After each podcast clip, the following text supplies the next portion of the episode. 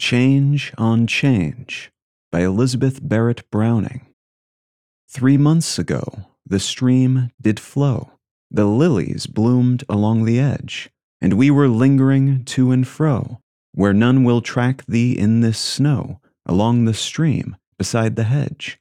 Ah, sweet to be free, to come and go, for if I do not hear thy foot, the frozen river is as mute, the flowers have dried down to the root and why, since these be changed since May, shouldest thou change less than they?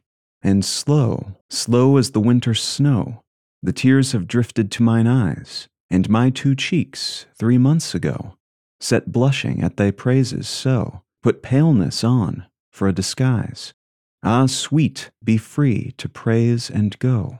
For if my face is turned to pale, it was thine oath that first did fail. It was thy love proved false and frail. And why, since these be changed, I trow, should I change less than thou? Change on Change by Elizabeth Barrett Browning.